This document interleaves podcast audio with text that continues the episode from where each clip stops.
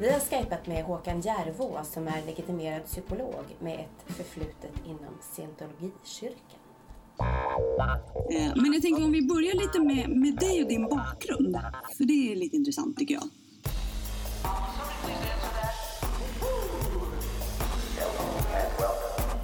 Ja, jag eh, var ju med i scientologikyrkan i, eh, jag var troende i 14 år och var väl aktiv i åtta år kanske sådär till och från. Sen sakta så kom jag bort från det hela då. Men så tog det ju fem, sex år innan jag slutade i tanken så. Scientology så det är många som lämnar rörelsen men fortfarande tror. Det finns mer praktiserande scientologer utanför själva huvudorganisationen än vad det finns i. Då. Scientology är så abusive mot människorna som är med i och jobbar i den här organisationen. Det är så mycket psykiska och även fysiska övergrepp på olika sätt att det, man lämnar först och främst på grund av att det är så jobbigt att vara kvar. Va? Och sen efterhand så kommer den här kanske tankeverksamheten igång då när man inte har haft kontakt med dem på ett tag. Och så var det i alla fall för mig och det är många andra som beskriver samma sak. Det tar många år innan man lämnar i tanken också. Så där, det, Men var du inne i En den danska delen då, i Danmark då? Eller var du i Sverige i scientologikyrkan i svenska? Eller hur? Ja, både och då. Jag var i Köpenhamn i deras, de har ju sådana där arbetsläger i Köpenhamn. För människor som inte sköter sig, som de tycker inte sköter sig. Då. Eh, och eh, där var jag, tillbringade jag fyra månader och det är, vad ska man säga, det är som ett arbetsläger.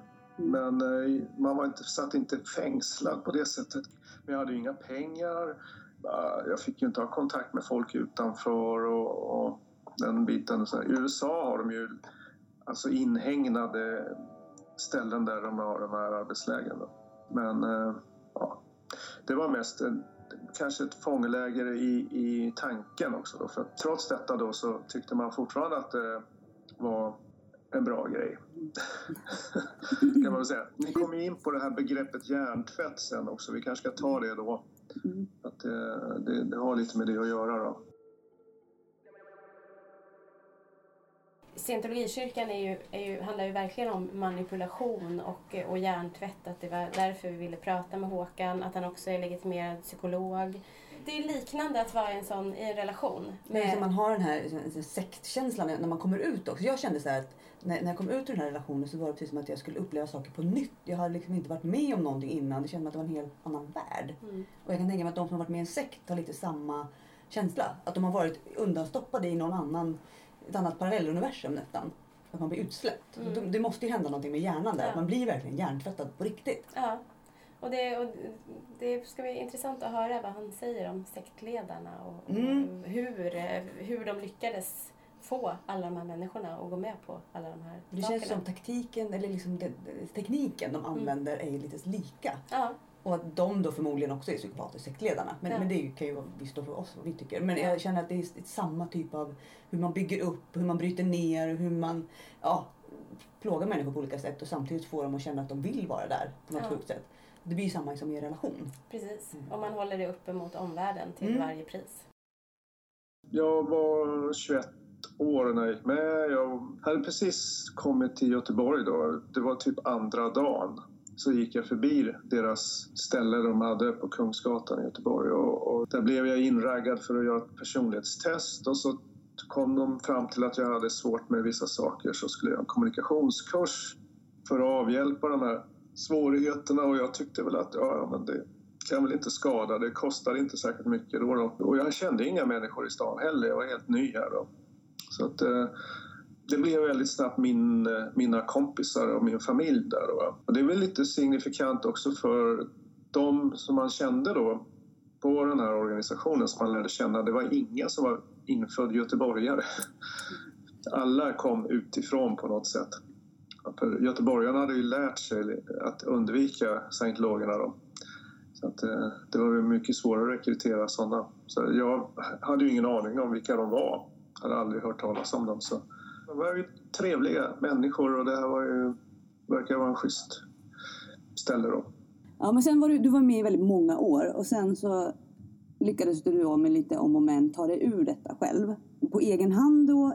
Ja, alltså det som ju, ja, vi hade ju lämnat då, jag och min före detta fru som vi, vi flyttade från stan då och sakta skaffade oss andra kontakter då. I den vevan så började ju, eller då var vi fortfarande troende jag också och så sökte jag på Scientology då och så hittade jag den här det var såna diskussionsgrupper men då fick jag ju läsa allt det här om Elron Hubbard och massa, fick höra all den här kritiken och all, all den här informationen som fanns också. till slut, alltså jag värjde mig till en början men till slut så, så bara kom det över mig. Det, det, poletten trillade ner eller något Va? man kan säga. Det var, jag insåg att jag har blivit lurad. Så allting stämde ihop då. Man fattade ju att det här var bara en bluff liksom. Och, ja, det, och då bara över en natt så bara blev det väldigt jobbigt också. För att eh, man har ju byggt upp allt det här som en idé om hur världen funkar. Och har ju det, man hade ju ideologin och det, det är ju så ideologi funkar liksom. Det är en slags hjälper en att förstå världen då. Och nu plötsligt så kunde jag inte lita på de här, den här idén om hur världen funkar. Va? Och jag hade ju inget annat egentligen. Så, eh, eftersom jag varit med så länge och inte, jag var ganska ung då, så ung och liksom naiv så. Eh, så att det blev väldigt jobbigt och plötsligt var man tvungen att börja om och försöka förstå världen igen. Och det var väldigt mycket sådana saker som man, som man tar för givet. Och så fick jag, jag fick hitta någon annan svar på saker och ting kring fenomen eller ja, meningen med livet och alla sådana där jobbiga frågor. Så då, det, då började jag plugga, läsa filosofi och sen blev det psykologi. Ja, tanken var ju mest, jag ville ju läsa för att förstå mer, inte för att jag skulle bli psykolog egentligen. det kom som en, som en extra grej så jag var mest bara, först var jag mest intresserad av att lära mig mer om hur människor funkar för att ersätta det här med någonting då, kan man väl säga. Så, och sen blev det ju att jag blev engagerad i de här, den här typen av frågor då, på grund av det där. Det är inte så vanligt att före detta scientologer blir psykologer för det är ett starkt hat mot psykiatriker och psykologer också inom rörelsen. Det är ju de, för, för scientologer så är ju psykologer, och, eller framförallt psykiatriker, de stora fienden. Liksom, det är som nazister eller det är de on, djävulen, typ. Det är de ondaste av de onda. Så. Ron då själv, han grundaren, har ju någon form av eh, ja, psykisk störning kan man väl säga. Ja, det skulle man definitivt kunna kalla det. det kan väl förklara då det här med psykologi. och narcissistisk och... Ja ja, det finns spår av paranoia och narcissism och så. Jo, ni, ni, är ju inne på det där med psykopat och det, det, det, finns ingen självklar eller någon definition som alla är överens om. Men man är väl överens om att det finns. Men det finns väldigt mycket myter om psykopater också han var ju verkligen så här mytoman eh, och han blev väldigt mer och mer, och mer paranoid. Det kan man se i alla hans skrifter, liksom, hur han kände sig förföljd av psykiatriker och eh, människor hela tiden. Så det är min hypotes i alla fall, utifrån vad jag vet om sådana här människor.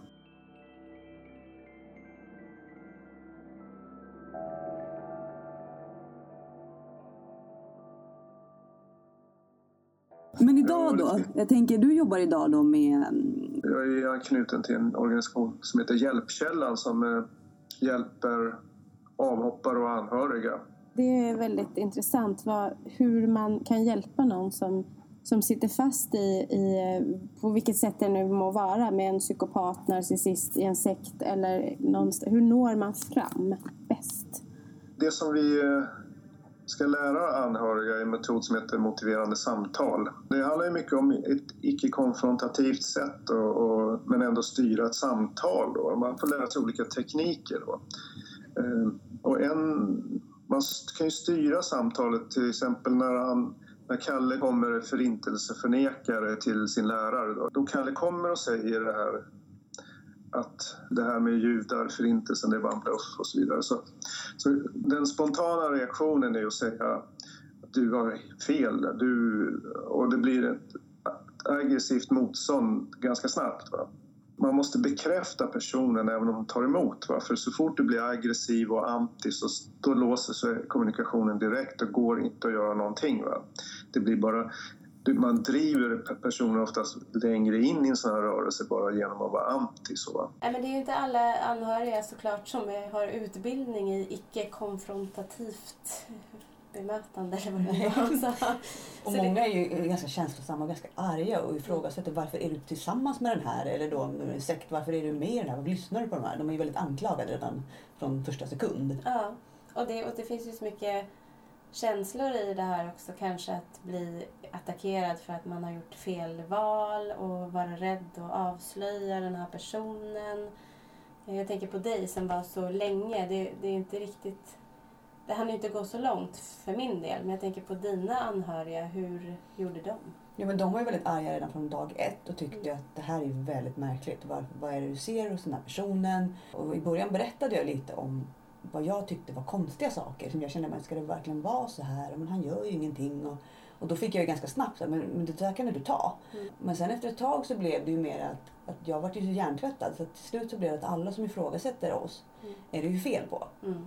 Och de gjorde han ju till fienden. Så där blev det ju så fort det kom någon som var då en minusmänniska, som jag vet jag pratade om tidigare någon gång. Mm. De här minusmänniskorna var ju the enemies. Mm. Och de kom ju alltid med negativitet. De förstod ju aldrig det som vi hade han är ju som sektledaren. man har ja. ju där utifrån, de som kommer utifrån är fienden. Liksom. Och det är verkligen fienden så som han beskrev det. Det var verkligen att de är riktigt farliga. Du måste akta dig för dem. För de vill förstöra. Mm. De vill verkligen förstöra det som vi har, det som vi har kämpat för, det som vi har byggt upp.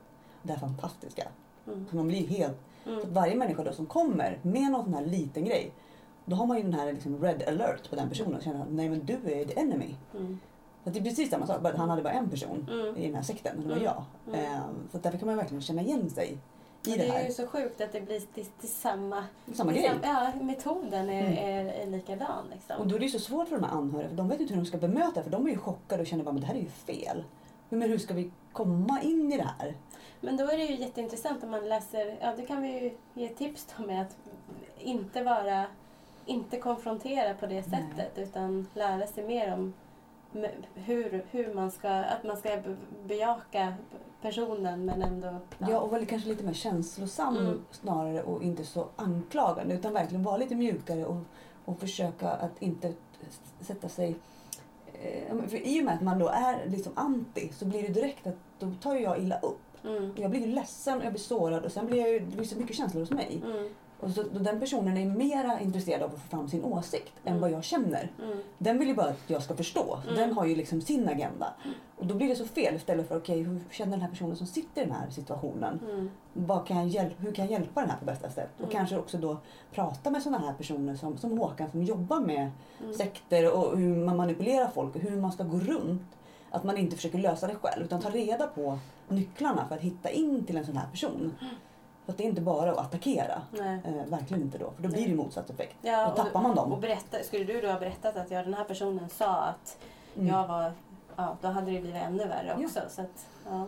då, då, man, man, man sitter i en svår situation som anhörig här. Mm, eh, men som sagt, det finns ju tydligen bra tips. Mm. Mm. Precis. Ja, men vi fortsätter. Har man ingenting att komma ut till efteråt så, så är, kan man bli kvar väldigt länge. Va? Och har man en ond omvärld och, som har demoniserat dem så, så, så är det väldigt lätt att man stannar kvar även om det inte kanske är så kul. Men summan egentligen är då att man bemöter de här människorna då med en form av liksom mjukhet och värme indirekt, lite så? Ja, Istället för att måste känna, ja. Mm. Måste, man måste visa någon form av respekt och inte håna dem. Ja, enskilda psykopater, det har vi ju råkat på. Och eh, förhållanden, psykopater på jobbet. Men just sekter, man undrar ju liksom, någon vaknar en morgon och bara jag ska bli sektledare. Ja, jag ska styra jättemånga människor i en klump. Liksom. Ja. Jag undrar vad som, hur det går till ja. egentligen. Ja. Det känns intressant att veta. Det finns ju de som kanske från start har ett gott syfte med det hela då men blir korrumperad av all uppmärksamhet och alla hyllningar han får av dem runt omkring och börjar kanske... Det stiger personen åt huvudet då.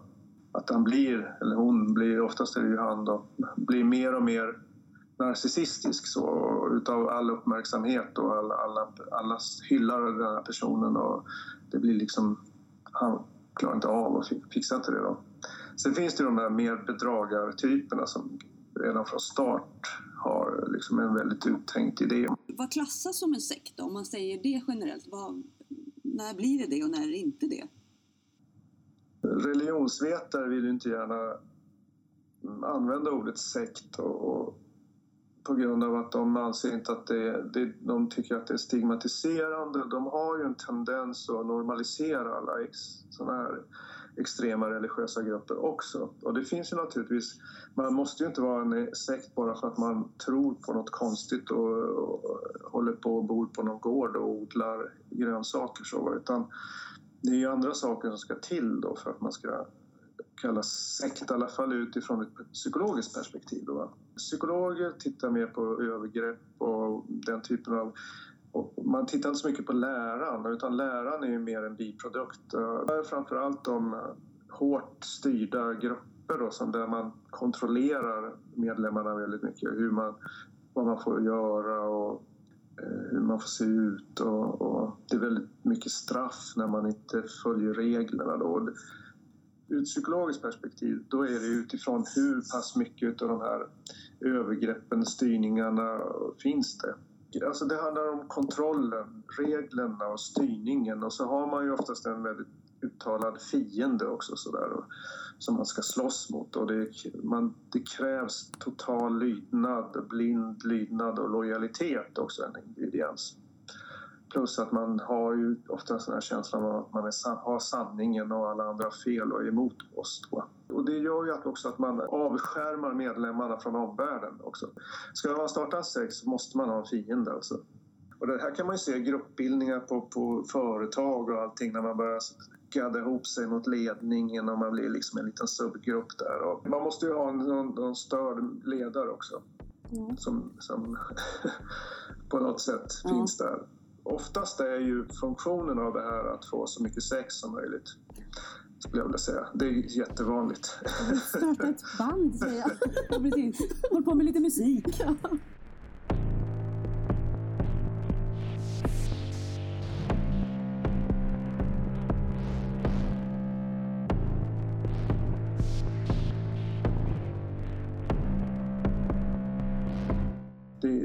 totalförbud att prata negativt i gruppen om saker som händer i gruppen. Då. Så det är också en eh, viktig eh, varningssignal skulle jag vilja säga. Om det börjar bli lågt i tak och man får inte säga vissa saker och i, man får inte vara kritisk mot ledaren eller mot någonting i, i den här rörelsen då, då ska man dra öronen åt sig för då är det eh, sektvarning om vi bara tar manipulation och hjärntvätt då, liksom, vad är skillnaden? Hjärntvätt kom ju sig av en kinesisk metod för reformera krigsfångar och även dissidenter inom landet. Och används även i Nordkorea. Alltså, metoden är ganska basic, tortyr och eh, svält och sömndeprivation och tvinga fram bekännelser och under en lång tid. så. Fick du sova gott? Nej, verkligen inte. Nej, Nej jag, jag sov ju inte ordentligt på 11 år. Jag vet inte, hur hade du det? Jag hade ju mycket kortare period så det var inte så himla farligt men bara några nätter utan att få sova är ju ganska effektivt mm. kan man säga. Verkligen. Man blir ganska personlighetsförändrad och svårt att men lite verklighetsfrånvänd. Svårt att veta vad som är rätt och fel och upp och ner. Det är ju något när man är väldigt trött kan jag känna. Det, ja. det är något man tänker inte klart. Nej. Jag kan förstå de som kanske har små barn som inte får sova på nätterna och det här. när det pågår en längre tid, man tappar ju det helt. Man, ja. man, kan inte fatta sunda beslut och man orkar inte kämpa emot. Man orkar inte tänka klart. det är väldigt effektivt. Tvinga fram bekännelsen. Jag tänkte på dig där mm. Eh, lite. Ja, för jag kände också, för det var ju någonting just det här att man hela tiden man gör fel. Mm. Och att man ska be om ursäkt för saker som man egentligen inte har gjort fel. Så att man, man får liksom hela tiden erkänna och krypa till korset med saker som egentligen inte, man får hitta på. Egentligen, För att de, han vill liksom få den här ursäkten att man har varit så dålig och så hemsk och så dum.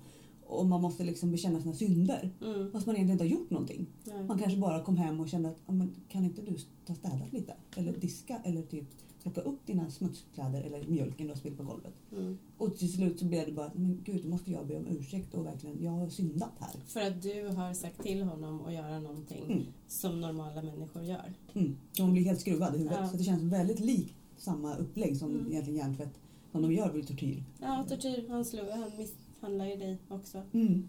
Ja. Ja. Vad är det som gör att du gjorde det? Att du erkände saker som... Och han hittar på liksom. Ja. Alltså, på något sätt så blir det också att han är så skicklig i sitt sätt att prata. Så att du blir till slut övertygad om att "Nej, men det är ju faktiskt så här. Det är ju sant. Så att det är ju inte så att du känner så att nu hittar jag på någonting. Utan till slut så börjar du famla efter saker. Jo, men jag var ju lite så. Och så tar man det där lilla som man tyckte att man gjorde lite grann av. Och så bara, men det blir nog så här stort. Och så känner man bara så här, det är ju så här. Det här var ju hemskt av mig. Så efter den där timmen har gått, då är det så här, men jag är ju faktiskt, det här var inte bra gjort. Fast man i början kanske kände att, men jag höjde rösten lite faktiskt. Det, var, det har ju vi sagt att så gör man inte, man höjer inte rösten. Jag tror han var, han var medveten om det egentligen som, som metod. Eller är det så han bara är i hans universum? För det har jag naturen, funderat ja. Mm. på. Om det verkligen var så uträknat Mm. egentligen. Om det inte bara var så att det var den vägen. Det var, så var det ju i hans universum. Men det kanske är också så att psykopater är de som kom på de här metoderna som de sedan använder när de hjärntvättar folk i Korea och Kina. Det kanske var psykopater som kom på skiten. Så kan det Det vara. kanske ligger i deras natur att de reagerar, hanterar saker så här. Ja, Det måste vi ta reda på. ja, spännande. Scientologerna har ett sånt här program egentligen som är väldigt likt det här programmet. Eh, Och då, då sitter ju de här religionsvetarna också och den frågan de ställde när jag berättade allt jag varit med om, de hemskheterna, så deras största intresse var för att, var att de ville få fram att det var ju inte särskilt, det är inte särskilt effektivt. Va? Och då hade de ju missat alla övergreppen och allt som hade hänt där. Liksom. Det fanns inget deltagande eller någonting känsla för att det här var hemskt. Utan det var bara att ja, men det där är inte effektivt, va? för det har vi fått lära oss. av. Deras intresse är rent professionellt i deras yrke så finns inte hjärntvätt. Va? De menar på att det är bara bluff och båg. Så de var mycket mer intresserade av det än mitt öde. Så, va? Och det störde mig. Även om det inte var så effektivt så är det jävligt obehagligt. att vara Någonstans så funkar det ju ändå till viss del. Ja, det gör det, gör det också. Absolut. Blir ju påverkad naturligtvis. Och det, det är inte så att man efter två, tre år är helt normal igen. Det sitter ju länge det här liksom. Det stör mig att de inte kan liksom erkänna att det här kanske inte är så jävla kul att vara med om. Mm. Alla de här övergreppen som man utsätts för. Och speciellt inom scientology, de, de är ju nog bland de värsta skulle jag säga. De har ju de här arbetslägren som, och där, där satt ju jag placerad i fyra månader. Va? Och man får inte ha kontakt med omvärlden, man ska springa vart man än rör sig. Jag sprang ju fram och tillbaks på Ströget. De hade sån här white glove inspection på morgnarna till exempel och då skulle det vara dammfritt på den här. Fick man inte, eh, inte godkänt då fick man springa upp och ner i trappan typ tio gånger. Och det var ju fem våningar upp och ner så. En annan straff är ju så fort du har gjort, gör någonting som är fel, liksom, då får du skriva ner dina bekännelser av alla dina synder, allt du har gjort. Så här, va? Till slut börjar man ju hitta på saker, för det tar ju slut. Och det blir ju skitsaker som att jag, ja, jag eh, fällde inte ner toalocket eller ja. Då blir man ju också utesluten ur gruppen, man får inte vara med och så måste man ansöka om att få vara med igen. Och för att få komma med i gruppen igen då måste man göra något projekt utanför arbetstid. Och då var det liksom, jag jobbade från sju till tio, halv elva på kvällen. Skulle jag göra något sånt där eh, amensprojekt, alltså botgörelseprojekt, då fick jag göra det på elva på kvällen. Liksom. Och det kunde vara att man städade någonting eller hjälpte till med någonting eller utförde någon syssla. Och det skulle stå i proportion till det här brottet, vad det nu skulle kunna vara man hade begått. Och sen fick man gå runt med en lapp där man hade skrivit vad det här har jag gjort och de här botgörelserna har jag gjort. Får jag vara med i gruppen igen då? Och så fick, fick man en majoritet att skriva på ja, du får vara med igen, så fick man vara med. Annars fick man göra om hela skiten. Då. Och förnedrande. Man, till slut undviker man ju det till varje pris. Så man vill ju inte vara i den situationen.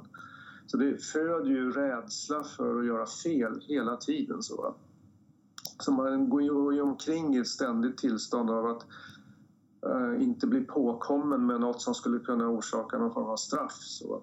Ni vet George Orwell, double speak. Det var ju rehabilitering, det var inget straff. Och jag var, skulle vara tacksam för att jag fick utföra det här. Och jag gick som i en dimma i fyra månader eh, innan jag till slut lyckades lämna det där stället. Då.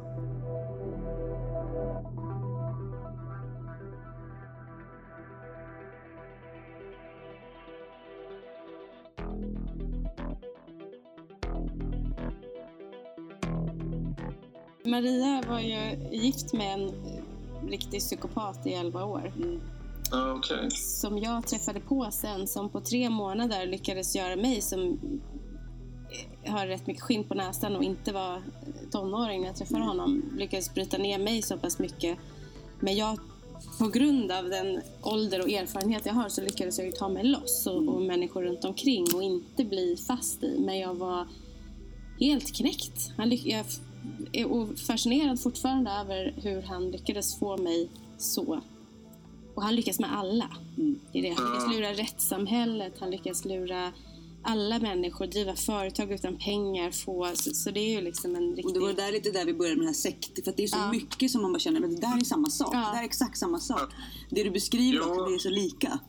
För jag var ju bara 19 när jag träffade den här mannen och han var ju 37 år gammal då eh, och väldigt så karismatisk och eh, sekt sektledarpersonlighet. Ja, jo, I USA pratar man ju om, där har man ju inkluderat den här typen av relations där det är psykopatman i det här sektbegreppet. Liksom. Jag kan som, som exempel, vi hade inte, han man kan inte gå på IKEA till exempel. Eh, man kan inte äta på IKEA för då är man en smutsig person eh, och det är bara människor som är av lägre rang som gör sådana saker. Så det var ju bland de första grejerna jag var tvungen att göra. För jag måste bara gå dit och sätta mig och äta för att jag måste ta kontroll över det här. För jag, jag, kan, inte, jag, kan, inte ha, jag kan inte tycka så själv. Men han hade ju tyckt det åt mig i 11 år. Så det, det var jättesvårt. Satt där med min, vad det nu var jag åt. Jag tror jag åt den läskiga köttbullarna. Men jag, var där, jag måste äta det här. För att komma ur mentalt liksom.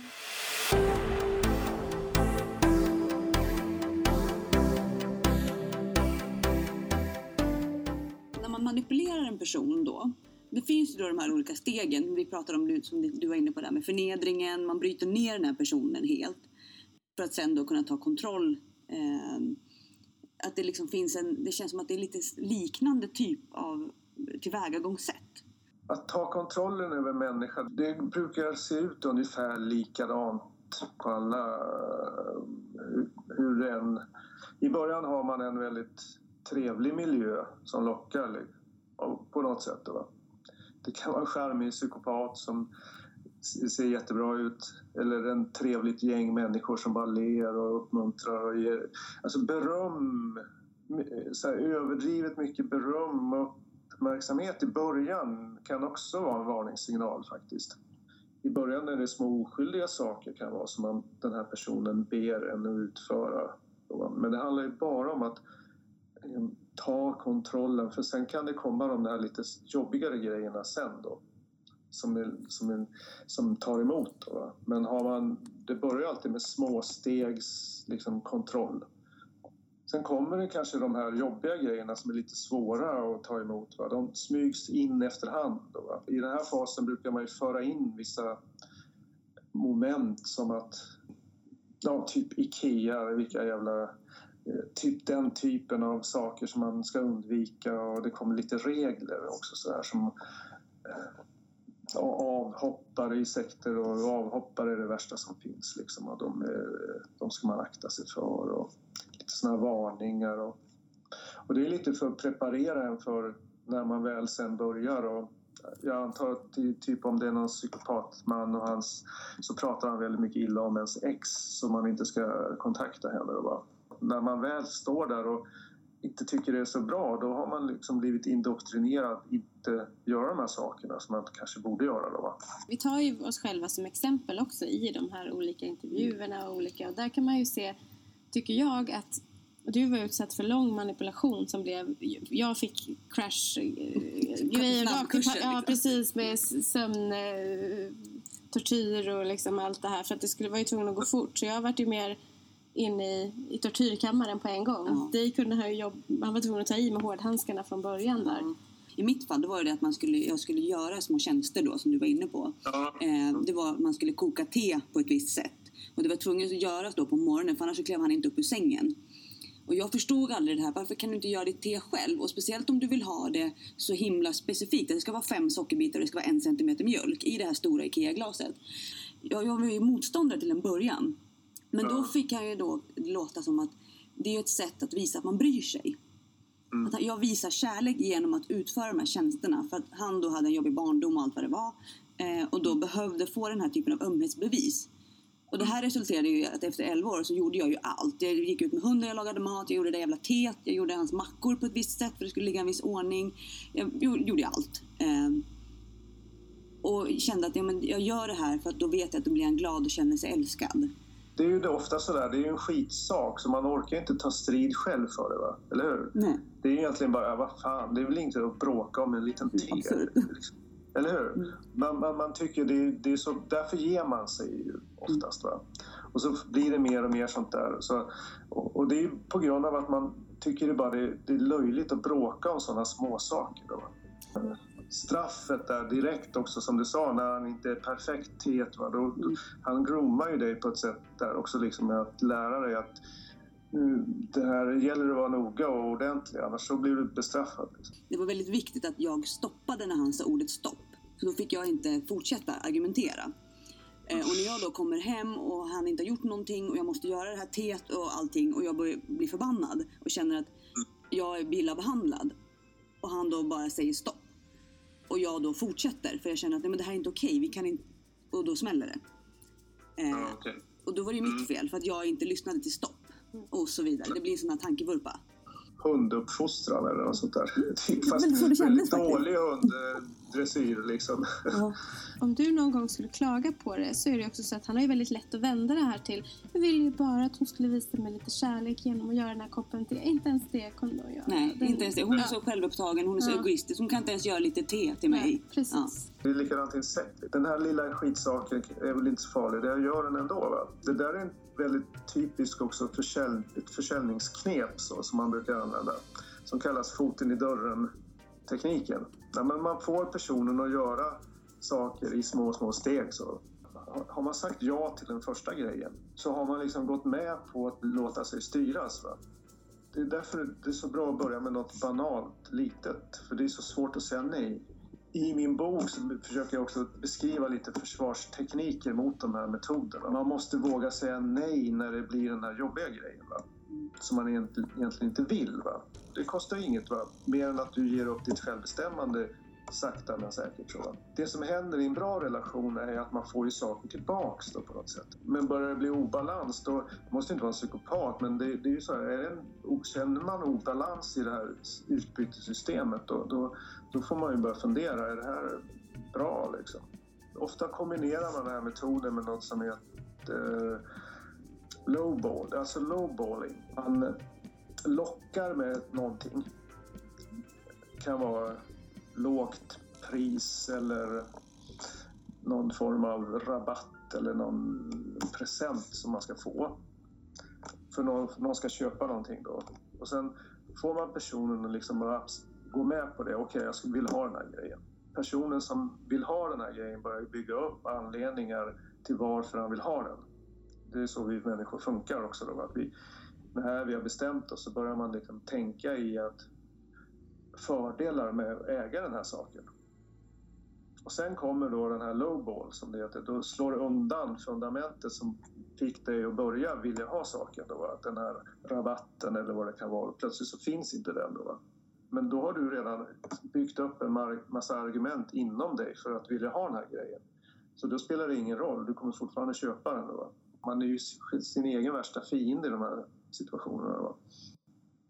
Nu vet inte jag hur det kan vara i relationer men jag kan ju tänka mig att den, det finns där också att man, den där, det som lockade från början, när det försvinner då, så har man ju byggt upp en massa andra idéer om varför man vill ha relationen. Så Ja, och, re, och ren rädsla kan det också vara. Ja, och att det blir liksom att man klarar sig inte utan den här personen för att man är ju ingen och man är en värdelös människa och man har hela den, den här skuld och skambeläggningen och att sen successivt har ju alla vänner försvunnit för att de är ju dumma i huvudet och det är fel på folk runt omkring så slutet sitter man där helt ensam. Men det, och det hade ju du. Jag däremot hade ju ren och skär döds... För jag Ja. trodde den skulle ha ihjäl mig. Ja. Jag var ganska säker på det ganska länge. Det Samma person fast i väldigt mer hardcore. Du var kanske mer, eller jag vet inte, men du, varför blev han så våldsam mot dig? Eller hot, du fogade dig inte så Nej. lätt eller? Såg mig inte så bra. Nej. Nej.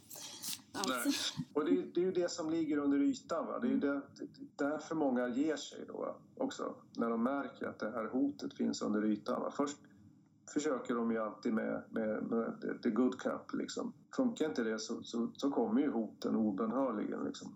Det som han gjorde väldigt mycket var att man planterade imaginära hot, som, saker som kan hända. Så man, ingenting hände ju egentligen, det märkte jag nu tre år efter har ingenting av det här hänt. Det har inte, mitt arbete har inte brunnit upp, min familj har inte tagit skada, jag har inte fått ett förstört rykte, jag har klarat mig jättebra och alla vänner har kommit tillbaka. Typ. Men alltså, jag blev inte ensam kvar och jag har inte börjat knarka och det gick inte åt skogen.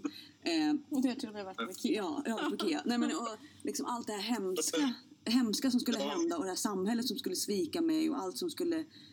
Det var ju bara imaginära... Det fanns, ingenting fanns, men man trodde ju på det. Det är det som jag känner lite med sektgrejen också, att världen utanför var så otroligt obehaglig.